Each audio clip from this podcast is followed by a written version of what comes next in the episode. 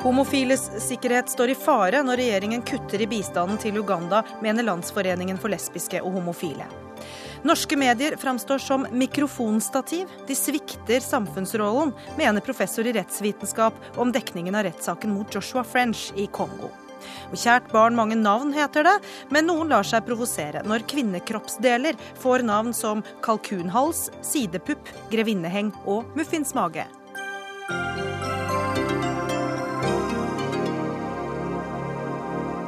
God ettermiddag, klokka har passert 18. Eh, Jeg heter Gry Blekastad Almås, og aller først i Dagsnytt 18 skal vi til to korrupsjonssaker som har dukket opp i nyhetsbildet i ettermiddag.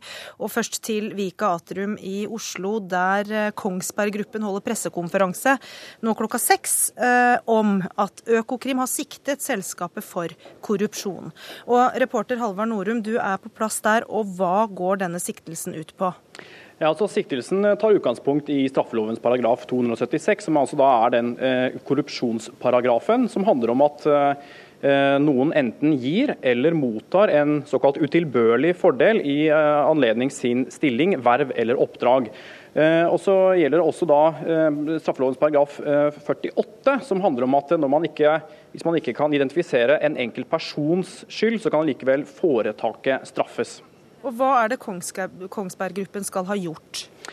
Eh, vi vet ikke så mye av detaljer om selve siktelsen, men det vi vet er at det som selskapet selv har opplyst, nemlig at det handler om kontrakter inngått i Romania i perioden 1999 til 2008. Eh, og Dette er kontrakter som man har inngått, eh, dette er en serie kontrakter som gikk over da flere år. Det har vært inngått kontrakter med Hæren, med Innenriksdepartementet, med Utenriksdepartementet. Og mye handler da også om leveranse av kommunikasjonsutstyr. mye kryptert kommunikasjonsutstyr, altså ting som er vanskelig eh, å avlytte. Og Kontraktene har eh, så vidt vi har greid å summere, i hvert fall hatt en verdi på over 1,5 milliarder kroner. Så det er, det er, mye penger. Har Kongsberg Gruppen gitt noen kommentar så langt? Altså det De har sagt så langt er at uh, saken først ble kjent for dem i dag. Uh, de sier at de vil samarbeide med Økokrim. Eh, og at de da, eh, selskapet har nulltoleranse for korrupsjon. Så får vi se da på pressekonferansen som starter nå, om de vil eh, lette litt mer på sløret hva denne siktelsen går ut på. Hva har Økokrim sagt så langt i dag? Økokrim har sagt egentlig veldig lite annet enn at de har bekreftet de opplysningene som selskapet selv har gått ut med. Og Så får vi da avvente om Økokrim vil, vil si noe mer annet. at De, har også, de bekrefter for så vidt at de har, at de har gjennomført en razzia og tatt beslag. Det har Økokrim bekreftet. og Så får vi se om de også da vil eh, si noe mer etter at selskapet har sagt sitt. Da får du løpe inn i pressekonferansen, Halvard Norum. Vi eh, snakker med deg igjen om en snau halvtime når den pressekonferansen er eh, over. Så da over til en annen stor korrupsjonssak som sprakk i ettermiddag. En politileder i Oslo politidistrikt er siktet for grov korrupsjon. og Vedkommende ble i dag framstilt for varetektsfengsling i Oslo tingrett. Olav Rønneberg, du er NRKs, leder for NRKs krimredaksjon, og hva mer vet du om denne saken? Slik vi har forstått det, så er dette snakk om en større narkotikaetterforskning som har vart en stund, hvor en person for noen uker siden ble pågrepet og fengslet, og det ble funnet et større narkotikaparti og et større pengebeløp. Så i kjølvannet av dette har altså denne politimannen nå blitt siktet for grov korrupsjon.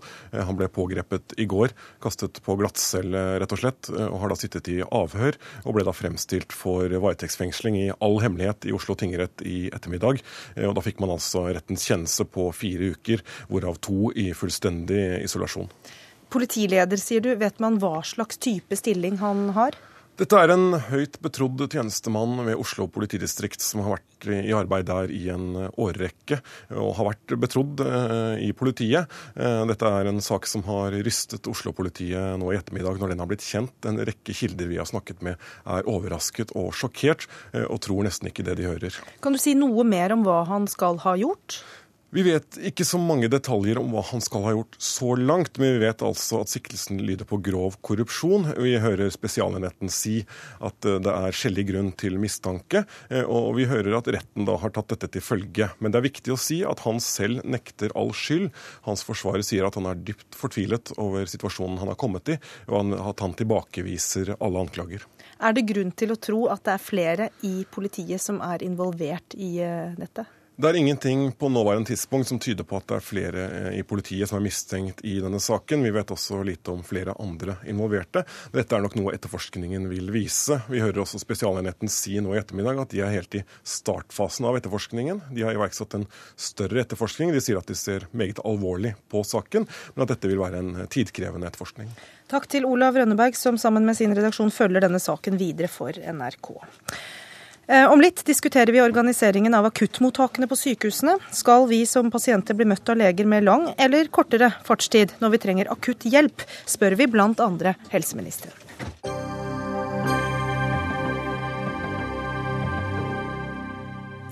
I går innførte Uganda en lov som kan straffe homofili med livsvarig fengsel. Regjeringen her hjemme svarte med å kutte i bistanden. Samtidig fnyser Ugandas president av kuttene og sier landet ikke trenger Norges penger uh, i det hele tatt. Bård Nylund, uh, du er leder for Landsforeningen for lesbiske og homofile. Uh, og du har i dag snakket med de kontaktene dere har i Uganda. Og kan du bare aller først si litt om hvilke reaksjoner denne kriminaliseringen av homofile har gitt? Altså Først så har jeg vel lyst til å si at folk i Uganda er veldig redde. Min kollega her på Oslo-kontoret vårt eh, var i Uganda forrige uke og var med på å pakke ned brosjyremateriell, regnbueflagg. Eh, rett og slett forberede seg på den dagen som kom i går, når loven ble signert. Eh, og den ble jo signert nærmest på en pressekonferanse med fullt presseoppbud. Og vi tenker at det sendte ut et veldig tydelig signal til det ugandiske folk om at her er det bare rett og slett å ta loven i egne hender. Og vi ser jo i dag at det har skjedd. Eh, vi får eh, henvendelser fra våre kontaktpersoner. Jeg har snakka med Kasha Jacqueline, som jobber i Freedom in Rome, Uganda. Hun er en av de 200 som har blitt outa i avisa Red Pepper i dag. Eh, og Hun kan jo fortelle om at det første homofile paret har blitt angrepet i sin egen leilighet. Den ene av de skal angivelig være drept, og den andre skal angivelig ligge på sykehus. Så det er klart at det er en kamp på liv og død for homofile og lesbiske i Uganda i disse dager. Og det er svært alvorlig, det som nå har skjedd. Og I tillegg til at det er fengselsstraff for denne praksisen, så er det jo viktig å huske på at alle som kjenner til homofile og lesbiske, har jo en angiverplikt. Sånn at Eh, andre mennesker står også i fare for å bli straffeforfulgt dersom de ikke angir til myndighetene hvem som er homofile og lesbiske. Vi hører det er alvorlig, og du utenriksminister Børge Brende har da reagert med å holde igjen eh, deler av bistanden vi gir til Uganda. Eh, vi gir til sammen 400 millioner, og du holder igjen 50 av dem. Hvorfor kutter vi ikke hele bistanden? Det vi har valgt å gjøre, er jo først å reagere over flere måneder nå og advart mot at presidenten skal innføre en lov som kan sette folk i fengsel på livstid for homofil praksis. Når han nå likevel har valgt å sanksjonere den loven, så sa vi at vi vil fryse 50 millioner av den stat-til-stat-bistanden.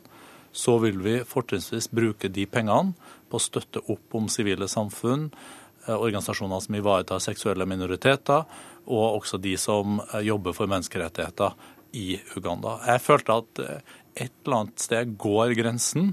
Og når en tillegg da innfører en lov som da oppfordrer til angiveri, eller at det blir straffbart å ikke angi, så følte jeg, eh, også som da danskene gjorde, at eh, vi måtte si fra. Men det var ikke noe enkel vurdering. Og nå har jo da presidenten stramma det til i løpet av dagen, hvor han da egentlig sier at han ikke trenger den uh, norske bistanden. Og nå puster vi da med magen, og vi sier at da får vi nå gå gjennom stat-til-stat-bistand. Og kanskje skal vi fremover da bruke mer ressurser på det sivile samfunn, på menneskerettigheter i Uganda, i stedet for eh, svære elektrisitetsprosjekter. Men bare for å være tydelig på det du sier, gå gjennom stat-til-stat-bistanden. Betyr det at du nå vurderer å kutte all bistand til staten Uganda? Det betyr at jeg skal gå gjennom den, eh, og så skal vi komme tilbake til For det som også LHL sier her, det er jo noen vanskelige dilemmaer her. Det jeg bestemte meg for i går, er at man må stå opp for noen prinsipper. Og når vi nå over de fem siste årene har jobba med Museveni. Jeg møtte altså utenriksministeren i Uganda for noen uker siden. Så sier dere må ikke gjennomføre en lov som bryter med de mest grunnleggende menneskerettighetene. Han hørte ikke på det. Nei, åpenbart ikke. Og jeg sa det bryter jo med deres egen grunnlov. Og da føler jeg også sett fra Norges side. Altså, hvor skal vi sette grensen for hva vi kan akseptere når vi gir av norske folks penger til Uganda borti 400 millioner? Og så er da tilsvaret fra de det er liksom da å innføre en ny lov. Nå er det jo mange sovende lover i Afrika knytta til homofili. Dessverre så er de også noen land som kommer med ny lov lovgivning, men dette er i 2014, og det kommer en ny lov som setter folk på livstid fengsel for homofili. USA har gått ut da i går med reiseråd og sier det at homofile bør ikke nå reise til Uganda.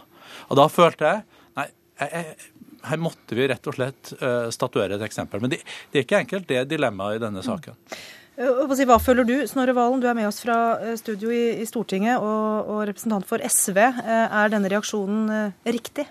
Ja, det mener jeg den er. For det er som utenriksministeren sier, en, en lov som vedtas i dag. Og da må vi reagere uh, i dag. Og det er jo ikke noe nytt i norsk uh, utviklingspolitikk heller. Altså, tidligere er det holdt tilbake stat-til-stat-midler, f.eks. Til, til Mali, da det ble gjennomført et kupp der for noen år tilbake.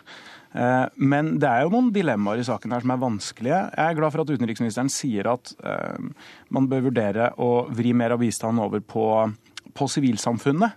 Det slo også Stortinget fast i fjor, at en av de viktigste tingene vi skal gjøre med utviklingspolitikken, det er å styrke demokratiske krefter og, sivilsamfunnet i ulike land.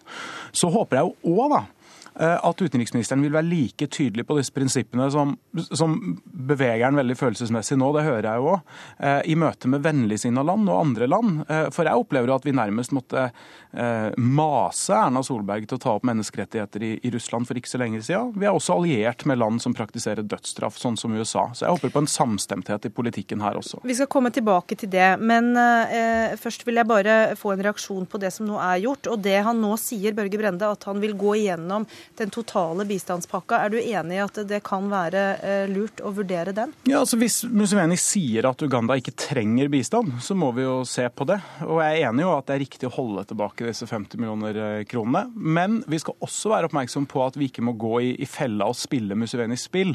Det er veldig populært eh, blant enkelte velgergrupper i Uganda å hetse og forfølge homofile. Derfor gjør Museveni det. Han veit akkurat hva han gjør. Det er også populært å være tøff mot Vesten. Eh, så jeg syns vi skal ta en, en grundig runde og, og, vurdere hva som er riktig å gjøre for befolkninga og for den skeive befolkninga i Uganda, og hva som, eh, hva som, gjør best utslag for de. Men Bård Nylund, du mener at det er en uklok beslutning eh, å kutte bistanden. Det har du sagt. Hvor, hvorfor det? Ja, altså... For det første, dette er et veldig vanskelig og veldig komplekst, komplekst spørsmål. Uh, og Vårt hovedfokus ligger på sikkerheten til homofile og lesbiske i Uganda. Vi har et nært samarbeid med Uganda et av de landene vi har mest samarbeid med. Og våre partnere i Uganda uh, har advart mot bistandskutt når man så entydig knytter det opp mot en sånn homolov. Vi er enig i at det er god grunn til å gjennomgå bistanden, og at det er mye uh, som taler for at man må se MR-perspektiv eller menneskerettighetsperspektiv i den bistanden man yter, og at man stiller flere krav til de mottakerne som får bistand, og hvilke konsekvenser det får når man bryter med de kravene man stiller.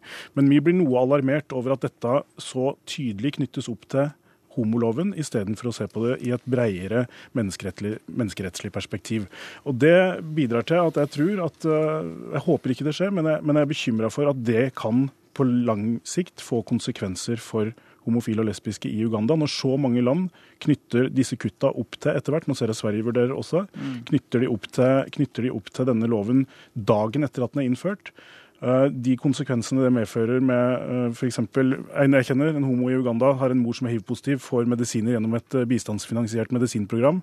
Han har klart å få en ganske god relasjon til sin mor, til tross for at han er homo. Den dagen hun må betale for medisinene sine sjøl fordi, fordi, at Vesten reagerer på hvordan Uganda behandler sine homofile, så er det ikke sikkert at, at det forholdet er like godt lenger. Så Det er på en måte noe av kompleksiteten her, men det er kjempevanskelig. Jeg har bare lyst til å si helt avslutningsvis at vi er veldig glad for at vi har et utenriksdepartement og en utenriksminister som er veldig opptatt av disse spørsmålene. Og jeg tror at vi skal øh, komme godt ut av det i tida framover også. Øh, men, øh, men, som sagt, det å knytte det entydig til LHBT-spørsmål, slik vi har advarte mot i forhold til Russland, det tror vi kan slå tilbake på de som faktisk er aller mest sårbare i den situasjonen som nå har oppstått. Hva tenker du utenriksminister om disse konsekvensene som vi hører det er bekymring for? Jeg sa jo også at jeg syns det er en del dilemmaer i denne saken her. Og jeg tror i alle fall vi er veldig enige om at eh, den loven som nå er gjennomført i 2014, er helt uakseptabel. Jeg følte at jeg ikke og Utenriksdepartementet ikke skulle kutte i bistand, men at vi da skulle fryse stat til stat og se på muligheten for heller å bruke mer av det til det sivile samfunn. Så Sånn sett så kan jo det være til frivillige organisasjoner som Røde Kors og andre som også da driver med uh, hiv- og aids-arbeid. Okay. Men noen ganger så kommer man til det punkt også i politikken når man har hatt en dialog eh, med ugandiske politikere i fem år. Presidenten står der, og han sanksjonerer denne loven. Og vi gir såpass mye penger. Jeg tror også at jeg kunne ha blitt utsatt for kritikk eh, hvis vi nå ikke har handla her. Så mitt spørsmål til LHL er jo det at er dere uenige i at jeg nå da fryser 50 millioner, og da bruker de pengene på det sivile samfunn og til menneskerettighetsorganisasjoner i stedet? Ja, du svarer kort på det, for jeg har én ting til jeg gjerne vil gjennom ja, før tida vår er ute. Eh, nei, altså, Jeg er bekymra for om det kan få noen konsekvenser. Og så er vi veldig glad for at det nå kommer en, en eh, tydelig eh, retning på at de skal kanaliseres til sivilsamfunnet. For det er klart at i den situasjonen Uganda er nå, så er vi i hvert fall nødt til å styrke sivilsamfunnet uansett. Og så til det Snorre Valen var litt opptatt av, nemlig hva gjør vi da med andre land som bryter menneskerettighetene slik som vi ser det. Hvorfor dette, og hvorfor ikke? F.eks. Sotsji i Russland og den typen problematikk vi var innom der. Ja, Nå gir vi ikke noe mye utviklingshjelp til, til Russland, da. Men det er men, mange andre land vi gir men, men bistand til. Men jeg tror eh, de som har fulgt med oppløpet til Sotsji, også så statsministerens møte med statsminister Medvedev i Sotsji. Men la oss tror, legge vekk Sotsji, da. det var kanskje ikke noe godt eksempel. Nei, men, men, du skjønner hva jeg mener. Ja, det er andre land vi gir bistand til, som også vi kunne ha reagert på. Men jeg bare vil si at uh, jeg tror LHL og alle så at vår statsminister har tatt opp den saken veldig sterkt. Hun gjorde jobben sin. Vi var veldig fornøyd med det. Ja, det hørte jeg dere sa. Hun, så det syns jeg ikke var riktig. Men uh, vi står overfor det dilemmaet at det er mange land i Afrika som har lovgivning som forbyr homofili. Noen av de er sovende lover, men noen land bruker de, og noen har også initiert nye lover. Men jeg må ta det veldig kjapt. Vurderer dere å kutte eller fryse bistanden andre steder? Altså Hvis det er andre land som på den samme provoserende måten som Uganda nå innfører nye lover som totalt brudd med grunnleggende menneskerettigheter, så må vi ta samme gjennomgangen. Er du fornøyd med det svaret, Snorre Valen?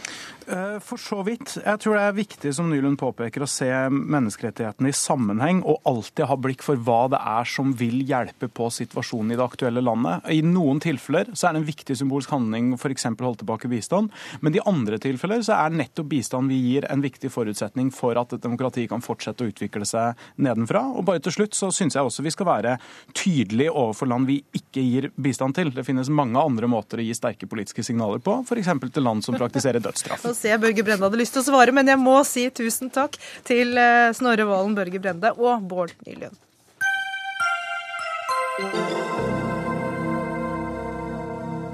Det er snart ett år siden eh, landets største akuttsykehus eh, hadde den største akuttsatsingen noensinne i Norge. Da omorganiserte Ahus akutten slik at de mest erfarne legene var de som møtte de akutt syke pasientene først, ikke mindre erfarne leger og sykepleiere. En av disse legene var deg, Ida Bokholm. Eh, men nå har du sagt opp stillingen din ved akuttmottaket. Hvorfor? Det er fordi at for det første så skal jeg fortsette å jobbe på Ahus, for Ahus er et flott sykehus å jobbe på. Jeg har jobbet der siden 1997, så det er, det er, ikke det. Men jeg har sagt opp stillingen min fordi at uh, akuttmedisin, sånn som da jeg kom ned dit, uh, den har lagt ned. Og funksjonen min i akuttmottaket har blitt fjernet. Og da har man ikke noe annet å gjøre enn å bare dra derfra. Hva er det som eh, har endret seg, som gjør at du nå ikke vil fortsette der? Det som har endret seg, er at eh, da vi kom ned dit, så ble det sagt at eh, det var erfarne overleger med bred erfaring som skulle se pasientene. Og det, og det, har jo også ført til gode resultater, fordi at man innførte nettopp denne ordningen. Husk på det at Ahus har eh, det er ca. 30 av eh, pasientene som kommer til akuttmottaket, har ikke vært tilsett av en lege på forhånd. Eh, det vil si at da trenger du en lege som har bred erfaring, som kan faktisk behandle en symptom og ikke en diagnose. Og det er, det er nettopp det disse overlegene med akuttmedisinsk bakgrunn og andre overleger med bred erfaring har mulighet til å se at f.eks. smerter i brystet kan komme fra mange ting fra magen også. Og Nå gjør man jo om på dette. sånn at... Nå har man gjort om på det, og man har, kommet, man har egentlig samme eh, nå, ordning som man hadde før akuttlegene kom ned i akuttmottaket, med en liten vri. Eller... Men hva frykter du blir konsekvensen av de endringene som gjøres nå?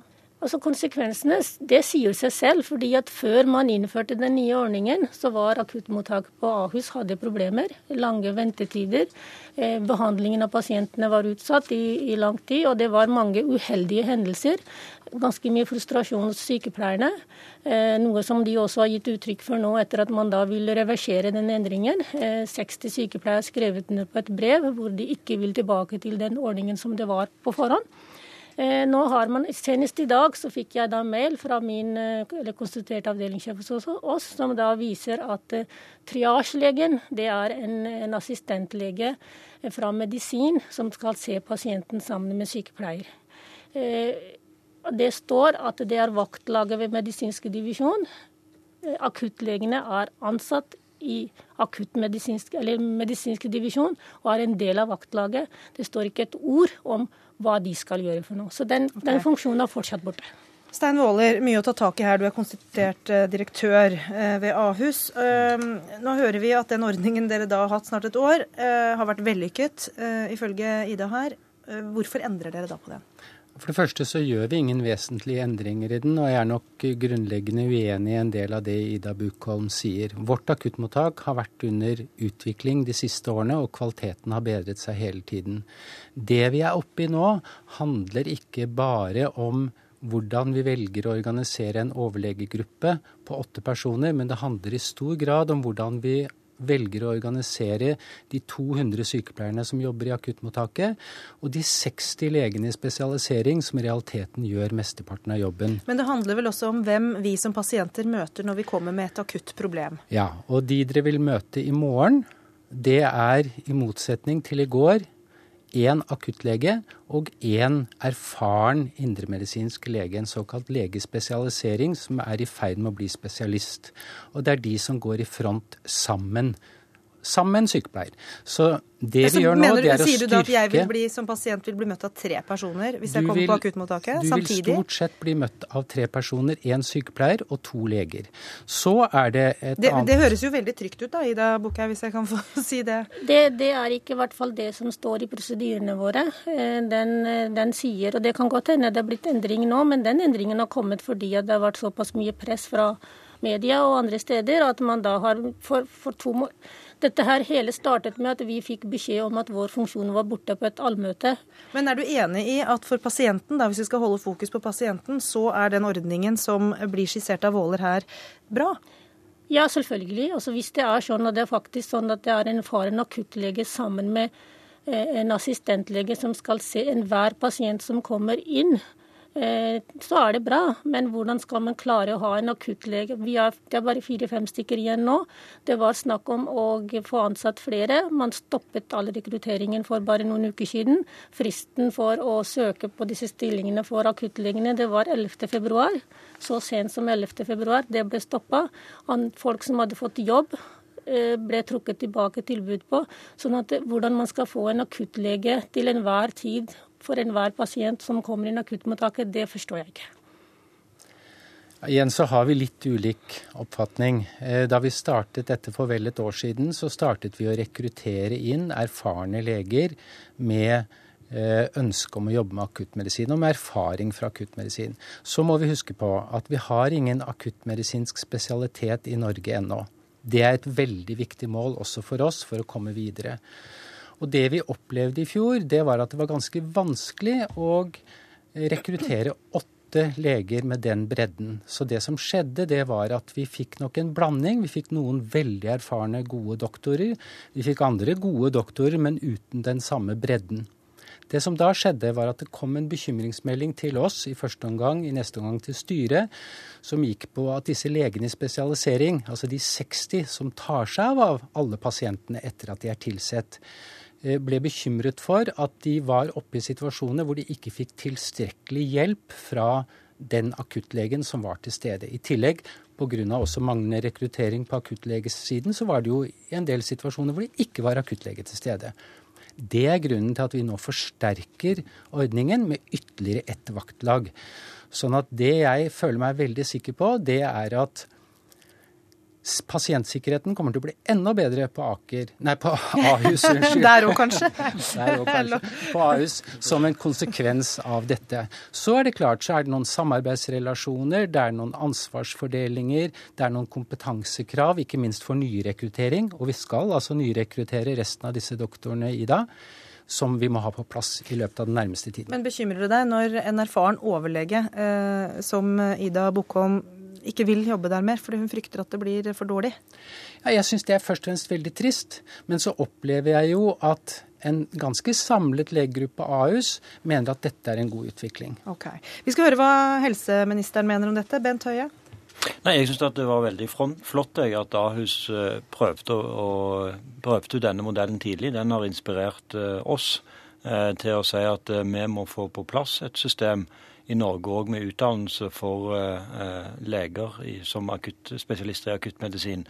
Men problemet for Ahus er jo, som direktøren her sier, at det, det er ikke etablert ennå.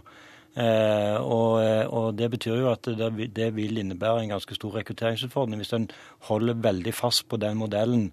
Så, eh, når jeg oppdaget at det var i ferd med ikke endringer på Ahus, så tok jeg eh, veldig raskt undersøkte hva, hva endringer innebærer det. Og jeg føler meg veldig betrygga på at eh, Ahus fortsatt vil være i front i Norge eh, med en modell der det er erfarne leger som møter eh, pasientene i, i, første omgang i akuttmottaket. Selv, selv, om de nå gir på båten en modell du støttet, ja, de, så ja, er du positiv til de endringene de, de gjør? De, de, gir ikke på båten en modell. Eh, jeg sier at de fortsatt er i front med å ha erfarne leger. Det må være klar over at det som har vært vårt hovedengasjement i denne saken, og det samme som har vært, jeg oppfatter har vært eh, opplevelsen på Ahus, det er at på mange norske akuttmottak så har pasientene møtt eh, leger i turnus, altså leger i utdanning på akuttmottaket det er noe som er veldig langt fra en lege i spesialisering som en møter på Ahus sammen med erfarne leger og sykepleiere. Men det er også en lege under utdanning, men ja, på et litt men, uh, mer på, avansert nivå? Men med, det er forskjell på å ha års erfaring som lege og ha måneders erfaring som lege. og Det er en vesentlig forskjell. Uh, så er det min målsetning at den modellen som de nå har prøvd ut på Ahus, at det skal bli en framtidsmodell for Norge. Derfor ga jeg allerede så raskt som i november, altså bare en måned etter jeg ble helseminister, oppdraget til Helsedirektoratet om å utrede en utdanning innenfor dette området. Den utredningen eh, har Helsedirektoratet i frist til sommeren å bli ferdig med. Samtidig så jobber vi med nasjonal helse- og sykehusplan, der vi nettopp kommer til å løfte fram kompetanse- og kvalitetskrav i akuttmottakene. Så vi er godt i gang med å gjennomføre det som er regjeringspolitikk. Så vil jeg minne om at den forrige helseministeren han sa at dette var et helt urealistisk scenario. Jeg mener ikke det er et urealistisk scenario, jeg mener det er ønskelig. Men det ville vært urealistisk at jeg klarte å gjennomføre det på litt over tre måneder. Nå har vi ikke han til stede her, men vi har Torgeir Micaelsen istedenfor, som er helsepolitisk talsmann for Arbeiderpartiet.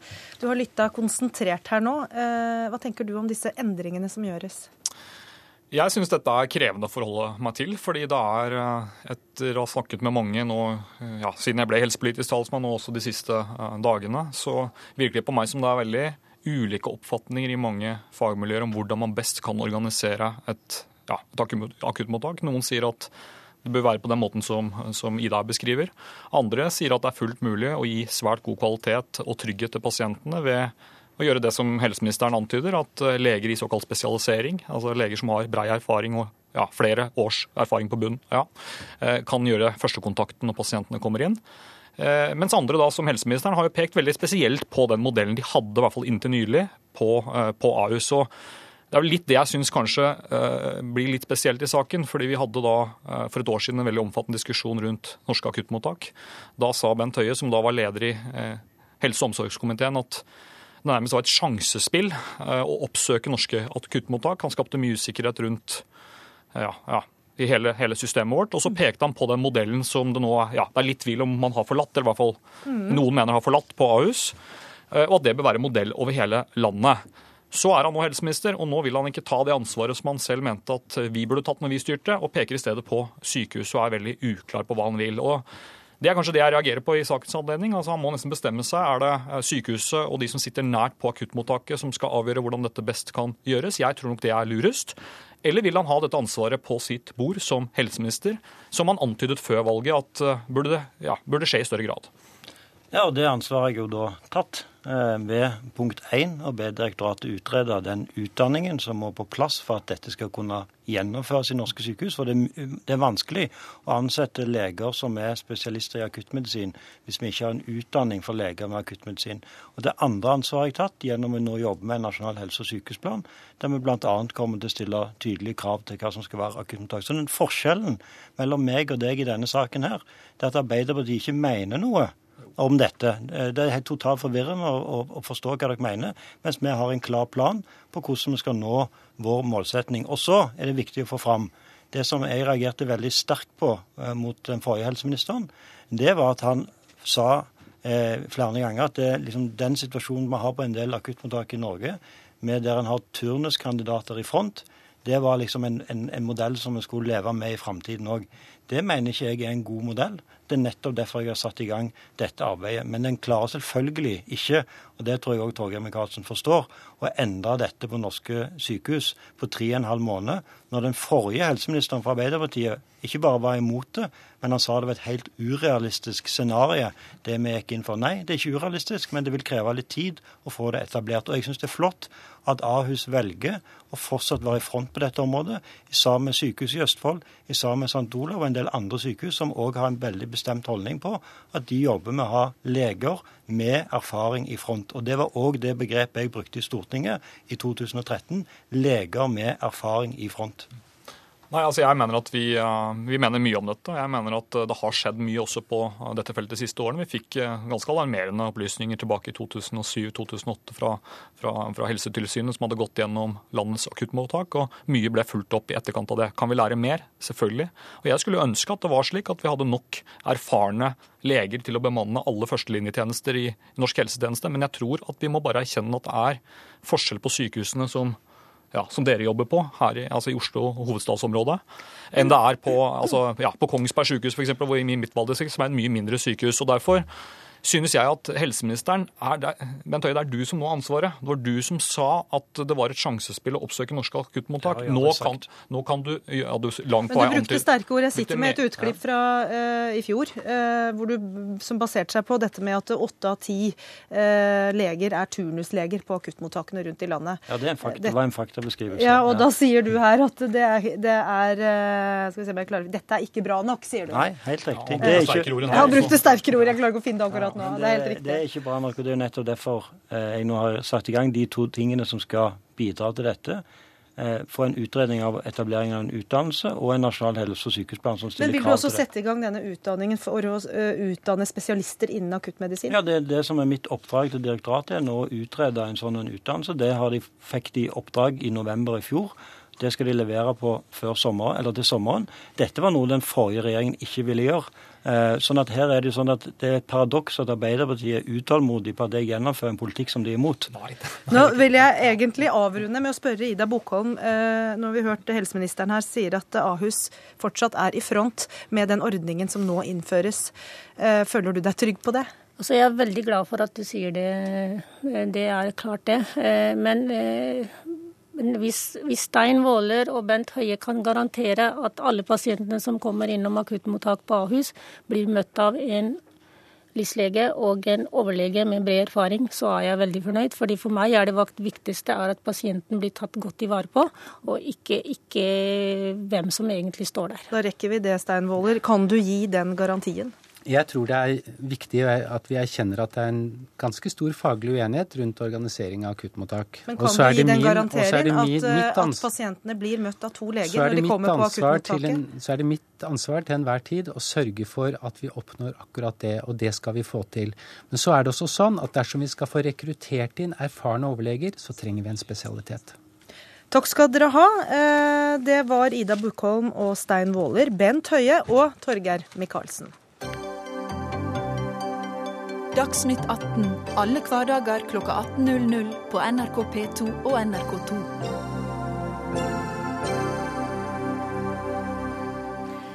Hvis dere henger med oss videre i sendingen, så får dere høre journalist Astrid Gunnestad debattere muffinmage, grevinneheng og andre ord som beskriver kvinnekroppen, med journalist eh, Marta Breen. Men før det så skal vi altså tilbake til nyheten om at det i ettermiddag ble kjent at Økokrim har siktet Kongsberg Gruppen, der staten er største eier, eh, for korrupsjon. Siktelsen omhandler påstand om eh, korrupsjon i forbindelse med salg av kommunikasjonsutstyr til eh, Romania over flere år. Og vi har med oss Terje Erikstad, som er utgavesjef i Dagens Næringsliv, og som har fulgt flere av de norske korrupsjonsskandalene tett. Og det er jo ikke mer enn en eh, drøy måned siden mm. Yara fikk en rekordstor bot på 295 millioner mm. kroner mm. for korrupsjon. Ehm, hva forteller disse sakene oss om norsk næringsliv? Det forteller oss at norsk næringsliv også har eh, sine sorte får. Eh, det er jo viktig å understreke at denne saken foreløpig bare består av en siktelse mot selskapet, som du har nevnt og som det kom fram på en pressekonferanse nå i kveld, også mot en person i det selskapet. Og Før vi går videre, så skal vi høre med reporter mm. Halvard Norum, som er på plass og har hørt på alt som er blitt sagt i denne pressekonferansen. Og, og hva, hva, er det siste som er kommet fram der? Ja, Selskapet bekrefter jo altså at det er én person i Kongsberg Gruppen foreløpig som er siktet. Eh, de er svært ordknappe når det gjelder eh, hvem denne er, men de sier at, eh, han ikke, eller at den personen ikke har en lederrolle i selskapet. Eh, dessuten så eh, bekrefter jo også ledelsen at de kjenner til, eller har kjent til dette sakskomplekset, om vi skal kalle det eh, fra en tid tilbake. Våren 2012 så fikk ledelsen signaler om at alt ikke var som det skulle i deler av forretningsvirksomheten, som de selv uttrykker det. Og man satt da i gang en intern granskning. Eh, og så Senere så, så man da etter eh, relativt kort tid at her trengte man ekstern hjelp. Man koblet inn antikorrupsjonsenheten til selskapet PwC, eh, som da jobbet rundt ett år med dette. Men så besluttet man at, at denne saken ikke var hva skal vi si, stor nok. eller altså at man, man valgte i hvert fall å, å legge saken til side. Så dukket da saken opp igjen i dag, i den form at Økokrim nærmest sto på døra og ba om å få se ting og tang. Eh, og Selskapet sier selv da eh, på direkte spørsmål at de ikke vet hvordan eh, denne saken da havnet hos Økokrim, etter at den, de selv hadde da lagt den til side høsten 2013. Og Det handler altså om forhold eh, tilbake til 2008 og, og, mange år i forkant av det også. Hva sier dagens ledelse? Eh, hva har de kjent til? Ja, det de sier er jo at, eh, altså at i 2012 at de da fikk signaler om at ting eh, ikke var som det skulle. Hvor kom de signalene fra da? Har de sagt noe om det i dag? Nei, det har de, det har de ikke sagt noe om. De, sier de er jo hva skal vi si, eh, litt ordknappe når det gjelder detaljene her. Så De sier ikke hvor disse signalene kom fra, men de, men de trekker fram at de da i, i i 2007-2008 altså hadde en gjennomgang av Eh, også senere på en måte en gjennomgang og en styrking av antikorrupsjonsarbeidet i, eh, i bedriften. og At det da eh, er mulig at det var da gjennom dette arbeidet at disse signalene ble fanget opp. Mm. Takk skal du ha, Halvard Norum. Nå er jo dette en, en relativt ny, ny sak, men hva, hvis du kan bare repetere litt, hva er det de har gjort? Ja, altså Det som selskapet er siktet for, er uh, mulig korrupsjon knyttet til leveranser av tele- eller kommunikasjonsutstyr uh, levert til Romania. Selskapet opplyser selv at kontraktens totalverdi er på ca. 1,4 milliarder. Så det er jo et uh, veldig stort beløp, og det skal ha foregått, ifølge siktelsen, over mange år, fra 99 til 2008. Eh, så det kan jo, hvis det er korrupsjon knytta til det, eh, være snakk om en relativt stor sak. Ettersom leveransen er så stor. Mm. Eh, men, det er snakk om kommunikasjons- og militært utstyr? Nei, ikke militært. Dette er til et nødnett. Så selv om det er Kongsberg Gruppen som driver med våpen, så har det ingenting med våpen eller militært utstyr å gjøre, så vidt jeg skjønner. Og, og, eh, det ble understreket på den pressekonferansen at dette var snakk om et langvarig kundeforhold til, en, til, rumenske myndigheter. Så i så tilfelle kan det jo være snakk om mulig da utilbørlig fordel, som jo er definisjonen på korrupsjon, mm. til offentlige tjenestemenn, eh, politikere eller andre da som har eh, innflytelse på hvem som blir tildelt eh, slike lukrative kontrakter. Ja, kan vi tenke oss noe, noe, svar på hvorfor man har tydd til korrupsjon eh, når det gjelder disse kontraktene i Romania? Ja, altså Det er jo det som er det typiske bildet. Eh, at korrupsjon oppstår når du skal inn i markeder du normalt ikke jobber i. Du skal gjerne si, gjøre suksess ganske raskt.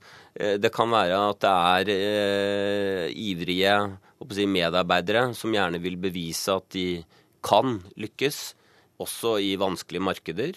Men hvor, hvor overraskende er det at det er Romania? Eh, Romania er, det er litt overraskende i den forstand at, at um, um, vi er nå si, nærmere geografisk og politisk og kulturelt enn det vi har sett i tidligere korrupsjonssaker, mm. som har vært f.eks. i Libya, som jo er et liksom, helt annet type regime. Dette er jo et land som nå er medlem av EU. Eh, og man tenker jo gjerne at korrupsjon foregår i land vi vanligvis ikke sammenligner oss med. Men eh, nå, nå, vet vi jo ikke om det har skjedd korrupsjon her, men mistanken er her. Eh, og det har skjedd i et EU-land. Og Foreløpig er det snakk om en siktelse og ikke Absolutt. en tiltale, så da eh, følger vi videre denne ja. saken. Takk skal du ha, eh, Terje Erikstad, utgavesjef i Dagens Næringsliv.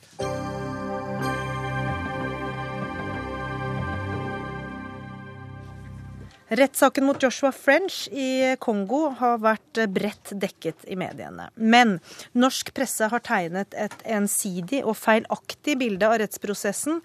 Eh, etter min mening har norsk presse sviktet sin samfunnsrolle i denne saken. Og det er da ikke min mening. Dette er en kronikk eh, du har skrevet på NRK Ytring.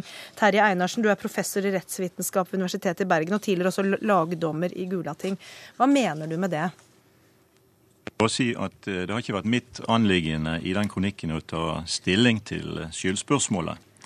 Men noe av det jeg har reagert på, det er den uh, måten uh, selve problemstillingen i straffesaken er blitt uh, presentert på. Nemlig på en veldig upresis og, og, forvirrende måte, etter min mening. Hva har vært upresist? Ja, altså I virkeligheten så dreier det seg om en, en ganske enkel og lettfattelig problemstilling. Nemlig at det er jo et faktum at Moland døde som følge av kvelning. Eh, og at eh, spørsmålet derfor har vært om, eh, om Moland begikk selvmord på en bestemt måte, slik French har forklart, eller om han ble kvalt av, av French, slik påtalemyndigheten har ment. Jeg syns dette har kommet veldig dårlig frem i, i, i media.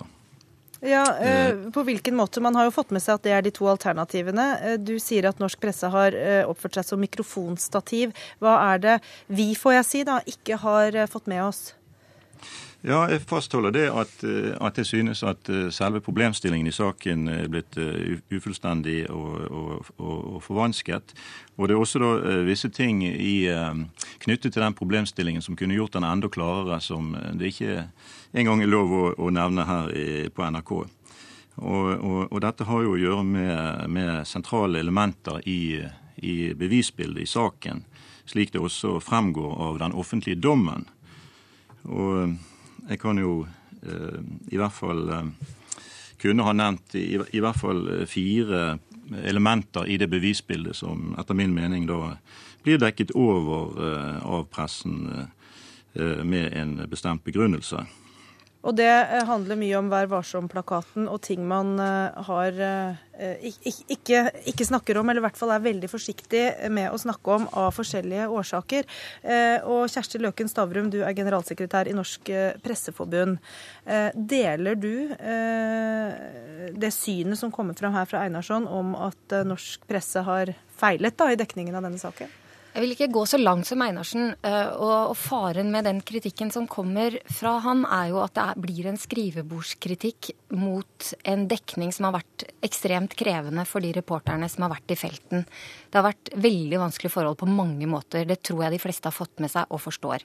Når det er sagt, så, så har jeg nok Så deler jeg eh, på en måte kritikken i den forstand at det har vært vanskelig, tror jeg, for leserne og, gjøre, og seere å gjøre seg opp en tilfredsstillende eh, oppfatning av hva som kan ha funnet sted i fengselet. Men Er det fordi norske medier har tatt eh, norske myndigheters side i saken, og ikke vært en nøytral eh, observator og rapportør? Jeg tror det er i tilfelle mange årsaker til det. Flere, ikke minst fordi man er farget av den første ganske spesielle rettsrunden som, eh, som fant sted. Eh, dernest eh, så har man ønsket å ta hensyn til, til, det som man jo mente var et selvmord tidligere i høst. Og så har det vært vanskelig å begynne å dekke den saken som den rettssaken det var, med da det endrede bildet som, som plutselig eh, påstanden om selvmord eller drap ble.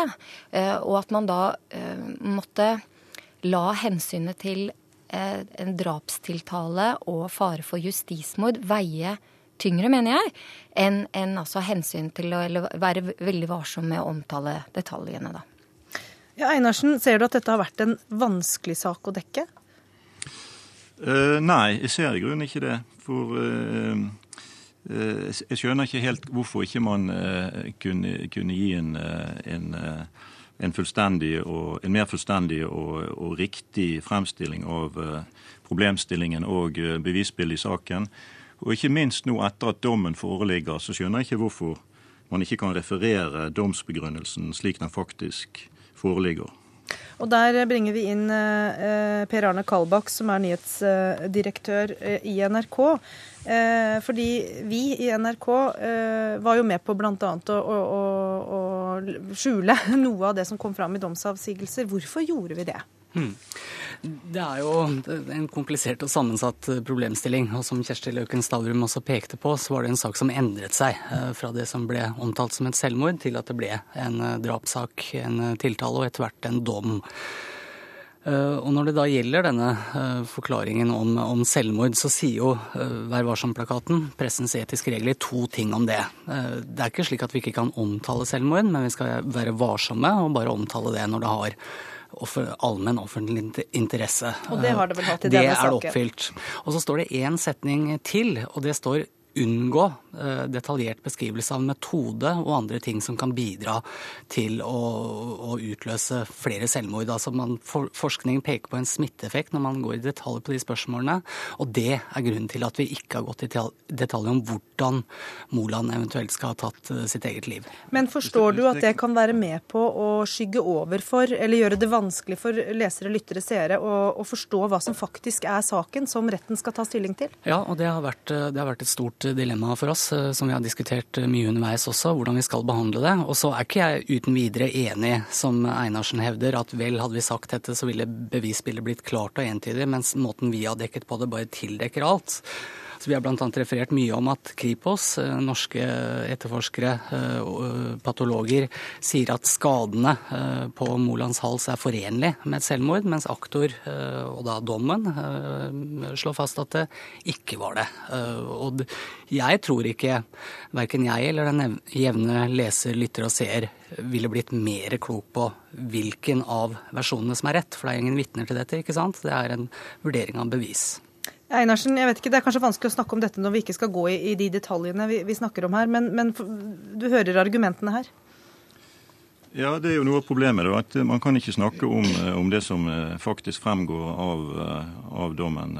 Men hvordan mener du det ville endret det, det inntrykket vi sitter igjen med? Ja, jeg, jeg, har jo ikke hevdet at man da ville fått et, et ensi, en, entydig bevisbilde, men man ville fått et mer fullstendig bevisbilde, slik at at vi andre eh, som har vært interessert i å, å, å lese om, om, saken og høre om saken, eh, selv kunne dannet oss et bilde av eh, hva som var, var, stillingen.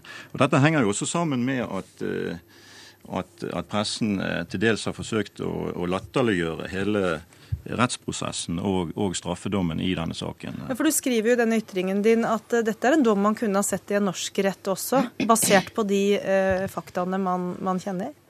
Ja, altså, eh, Jeg skal ikke ta stilling til, eh, til skyldspørsmålet. Og jeg sier ikke at man ville fått eh, det ene eller det andre utfallet i en i norsk eh, sak. Men jeg sier at ut ifra det bevisbildet som foreligger i dommen, altså de elementene i, i, saken, så ville man godt kunne ha fått en, en fellende straffedom. Det ville jo da kommet an på nærmere hvordan vitner og tiltalt og de sakkyndige hadde fremstått i retten, og hvordan man da hadde dannet seg et mer nøyaktig bilde av, av saken. Hmm. Jeg skal ikke gi meg inn på noe bevis, bevisvurdering, men jeg kan ikke si meg enig i at, eh, at, vi, eller norsk presse generelt, eh, har, har, stått for en latterliggjøring av pressen. Altså Mange av de som har kommentert rettssaken her hjemme, eh, UD, politikere, advokater, har gjort det. Men vi har forsøkt å referere saklig og nøkternt. Men det er klart, vi må jo også beskrive det som skjer. Og når du har en aktor som står og skriker gjennom tre uker med rettssak, så er det spesielt. Og da må vi også formidle det som skjer i retten. Men er vi blitt litt sånn forledet av dette som er spesielt og annerledes kulturelt, kanskje? Jo, jo. Sånn at vi har formidla det som et slags sirkus, Kjersti Løkke Stavrum? Ja, det tror jeg nok. Vi skal være så ærlige og si at vi, det er i hvert fall skapt et inntrykk. Eh, så kan man jo liksom si hvem som var skyld, om det var kilden eller om det var pressen. Men, men, det er nok skapt et inntrykk av et veldig underlig rettssystem. Og så eh, er det sånn at når, retten, nei, når pressen er til stede i retten, så er det med en bestemt oppgave, og det er å gjøre seg opp en mening om bevisførselen. Og i dette tilfellet her, når det da er snakk om selvmord og hensyn til Vær varsom-plakaten, så, så, er det paradoksalt sånn at den formuleringen som er i Vær varsom-plakaten om selvmord, som sier at man skal være varsom, er egentlig en åpenhetsformulering. Fordi før skulle det ikke omtales. Så da Vær varsom-plakaten ble endret på dette punktet, så var det fordi man skulle være mer åpen om selvmord. Og så sier den videre at man skal unngå omtale som ikke er nødvendig for å oppfylle allmenne informasjonsbehov. Og her er det helt klart allmenne informasjonsbehov. Så her mener du NRK har gått for langt i å sensurere opplysninger? Ja, når hensynet har vært tatt til Vær varsom-plakaten på dette punktet, så mener jeg nok at det er en feil vurdering. Ok, fordi... Da har vi egentlig ikke mer tid, men Kalbakk, du skal få lov til å kommentere den kort. Men da må uh, Kjersti også lese den siste setningen, som er kategorisk på å unngå detaljert beskrivelse av metode. Og dette er et dilemma. Det er jeg enig med både deg og Einarsen i, og det kan vi diskutere i Presseforbundet. Og da får det forbli et dilemma en stund til. Takk til Kjersti Løken Stavrum, Per Arne Kalbakk og Terje Einarsen. Hør Dagsnytt 18 når du vil. Radio NRK Radio.nrk.no.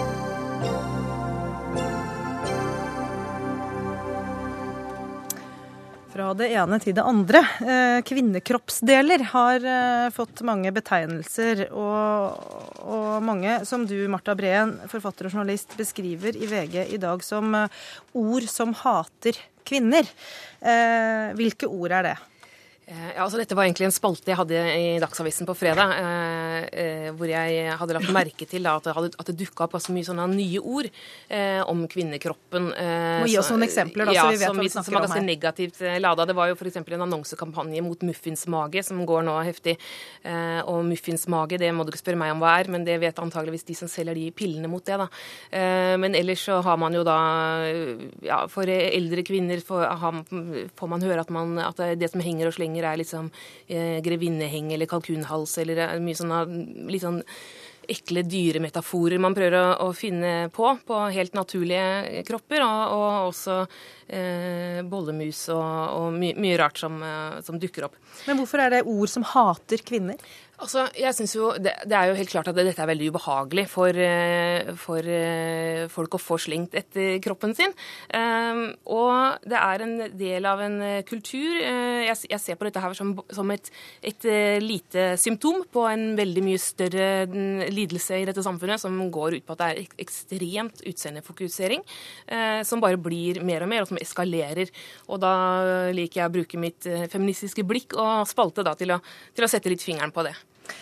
Astrid Gunnestad, du er også journalist og, programleder i P4. Du reagerer ikke like sterkt på disse ordene? Nei, jeg syns jo at du, Marte, kommer veldig skjevt ut fra hoppet når det gjelder dette her. Fordi én ting er, er hva skjønnhetsideal og alt det der, der er, og det kjøret der, men når du bruker ordet kvinneforakt, så virker det på meg nesten komisk.